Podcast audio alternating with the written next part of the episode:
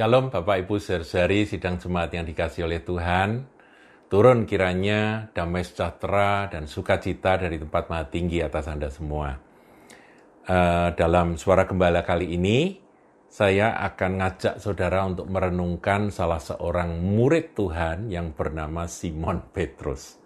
Simon Petrus ini adalah salah satu murid Tuhan Yesus yang sifatnya unik, saudara. Dia orang yang keras kepala, dia bersifat impulsif, artinya mengikuti akan kata hati, dorongan hatinya. Petrus itu juga murid yang suka menonjol, saudara. Entah itu bawaan ya, sifat bawaan dia suka tampil begitu di antara teman-teman yang lain. Dia selalu jadi yang pertama ya dalam segala hal. Dan yang penting Tuhan Yesus mengasihi Simon, ya saudara, meskipun dia punya sifat seperti itu. Saya catat di sini, saudaraku, Petrus itu murid yang pertama kali beroleh wahyu bahwa Yesus itu adalah Mesias. Hebat ya. Kemudian Petrus itu satu-satunya murid Tuhan Yesus yang pernah berjalan di atas air. Saya bacakan, saudara ya. Di dalam Matius 14, ayatnya yang ke 28. Ini Tuhan Yesus berjalan di atas air di Danau Galilea. Kemudian Petrus eh, tahu bahwa itu Tuhan karena Tuhan berkata, "Tenanglah, ini aku, jangan takut." Kemudian ayat 28 dari Matius 14 katakan, "Lalu Petrus berseru dan menjawab dia, Tuhan, apabila engkau itu suruhlah aku datang kepadamu berjalan di atas air. Kata Yesus, datanglah. Maka Petrus turun dari perahu dan berjalan di atas air mendapatkan Yesus. Tetapi ketika dirasakan tiupan angin, takutlah ia dan mulai tenggelam, lalu berteriak, Tuhan tolonglah aku. Segera Yesus mengulurkan tangannya memegang dia dan berkata, Hai orang yang kurang percaya, mengapa engkau bimbang? Saudara, inilah Petrus. Suka tampil dan suka uh, ini apa bersifat spontan gitu ya. Lihat Tuhan berjalan di atas air, tiba-tiba muncul ide dan dia langsung teriak. Kalau itu betul engkau, suruh aku berjalan di atas air menyongsong kau ke sana. Anehnya, Tuhan itu menanggapi, merespon. Marilah, datanglah. Dan Petrus pun keluar dari perahu dan jalan di atas air. Nah, cerita selanjutnya saudara tahu ya, dia sudah berjalan berapa meter nggak diceritakan, kena tiupan gelombang, kena tiupan angin, tiba-tiba dia kesadarannya, eh aku ini kok jalan di atas air, aku ini kan bukan Tuhan, aku ini kan aku ini kan manusia, kan nggak mungkin, ah tenggelamlah dia, begitu ya. Puji Tuhan, Tuhan itu mengasihi Simon Petrus dan dia ditolong. Dia satu-satunya yang pernah jalan di atas air, jadi Mungkin murid-murid Tuhan yang lain jengkel ya. Kamu tuh sok banget orang kok mau jadi seperti Tuhan Yesus begitu ya. Kalau Tuhan Yesus jalan ya dia Tuhan, tapi kamu ini kan manusia gitu ya. Ini murid-murid yang lain mungkin jengkel. Nah, ketika tenggelam ya disyukurin gitu. Ya. tapi mungkin kemudian Petrus pun setelah di apa di bully sama teman-temannya dia akan menjawab ya meskipun tenggelam tapi kan lumayan sudah pernah punya pengalaman jalan di atas air. Kalian kan belum pernah tahu. Dan yang penting Tuhan tolong. Nah itu sudah. Itulah Petrus, saudaraku. Nah, ketika Yesus mau ditangkap di Taman Getsemani, Petrus tampil karena dia mau membuktikan bahwa dia mengasihi Tuhan dan siap bela pati. Dia bawa pedang, potong. Maunya mau bacok lehernya Malkus itu ya salah seorang hamba. Tidak berani sama prajurit yang hambanya aja yang dipotong. Jadi ini ya menunjukkan mau bela pati, tapi kalau memang hebat ya perwiranya dong yang diserang kok malah hamba yang apa salah satu budak yang ada di situ yang diserang sama dia pakai pedang. Itu pun gemeteran sehingga yang putus telinganya. Sehingga Tuhan Yesus menyembuhkan. Ya, itu ada ceritanya, Saudara. Kemudian Petrus adalah tipe orang yang terlalu pede, saudara. Dia berani ambil risiko, dia adalah orang yang, ini positifnya, berani melangkah dengan iman. Makanya ada banyak mujizat yang eh, dilakukan oleh Petrus. Saudaraku, dalam banyak hal keberanian untuk melangkah itu dibutuhkan. Keberanian untuk ambil langkah iman itu dibutuhkan. Kalau saudara pelajari ya di dunia ini saja, para entrepreneur-entrepreneur yang sukses itu rata-rata orang-orang yang berani mengambil risiko.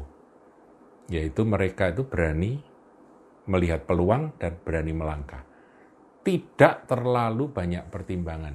Pertimbangan penting, saudaraku. Tapi kalau terlalu banyak pertimbangan, yaitu nanti menggenapi ayat di dalam khotbah yang berbunyi, siapa yang terus memperhatikan angin tidak akan pernah menabur, ya kan? Ya benar, saudara. Jadi kita ini harus tahu bahwa hidup ini memang ada resikonya. Ditimbang iya, didoakan harus, tapi ketika Roh Kudus itu menggerakkan hati untuk bertindak, saudara harus berani.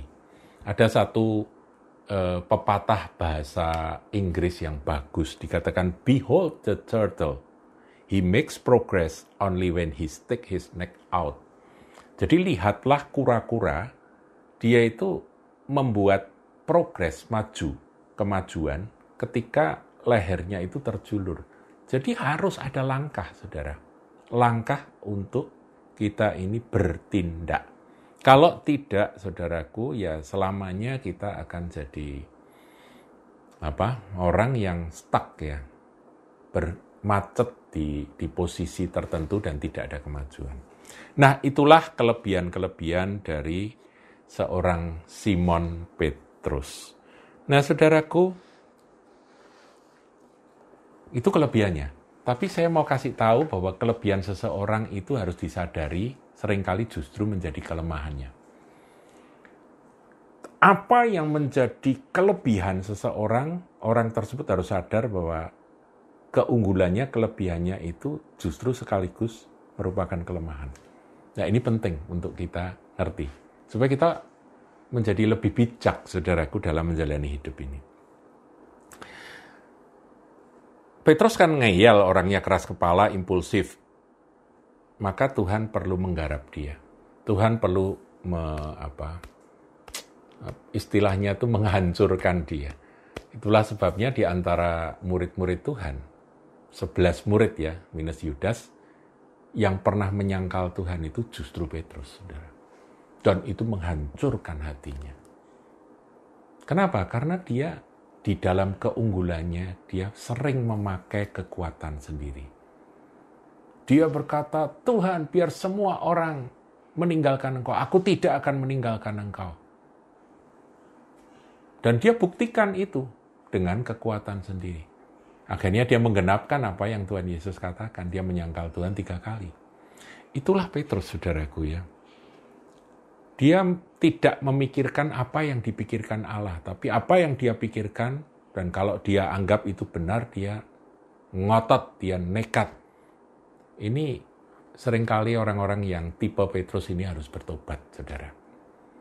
Kalau tidak bertobat, ya nanti dia akan mengalami kejatuhan-kejatuhan yang mempermalukan dia. Kalau saudara baca Injil Markus itu ditulis oleh Markus, John Mark ya, Yohanes Markus, yaitu muridnya Petrus murid dari Petrus yang menulis itu kalau saudara bandingkan antara eh, apa kitab-kitab Injil, maka di dalam Injil Markus itu kejatuhan, kebodohan, kekonyolan yang dilakukan oleh Petrus itu paling lengkap ditulis oleh Markus dalam Injil Markus. Kenapa, saudara? Ya karena Petrus sadar bahwa aku ini siapa. Aku tuh aslinya itu loh. Makanya dia cerita semua pada muridnya dan ditulis di dalam Injil Markus. Bagaimana dia jatuh, bagaimana dia menyangkal Tuhan, bagaimana dia uh, apa ketika Tuhan Yesus berkata bahwa dia harus naik ke kayu salib, dia harus dianiaya, dia harus menderita, dia marah dan dia berkata tangan Tuhan itu ditarik dan dia berkata sekali-kali itu tidak boleh menimpa engkau Tuhan. Wah itu Tuhan Yesus dimarahi saudara. Karena Tuhan Yesus berkata bahwa dia harus naik ke kayu salib. Sampai Tuhan menghardik dia, enyahlah dari hadapanku, hai iblis. Jadi satu-satunya murid yang dibentak sama Tuhan, enyah engkau iblis itu ya Petrus, saudaraku. Jadi Petrus ini memang tokoh yang kontroversial ya, saudara ya. Satu sisi dia hebat, tapi justru kehebatannya itu menjadi titik lemah. Maka itu, saudaraku, belajar dari Petrus, kita juga belajar dari kejatuhannya. Keunggulan Petrus, oke, okay, tetapi kejatuhan-kejatuhan Petrus itu sesungguhnya merupakan pelajaran bagi kita sekaliannya. Saudara, manusia itu unik. Anda yang punya karakter seperti Petrus, dengar akan suara gembala kali ini. Yang tidak punya karakter seperti Petrus, nanti lain kali kita belajar dari karakter-karakter murid Tuhan yang lain. Tuhan Yesus memberkati.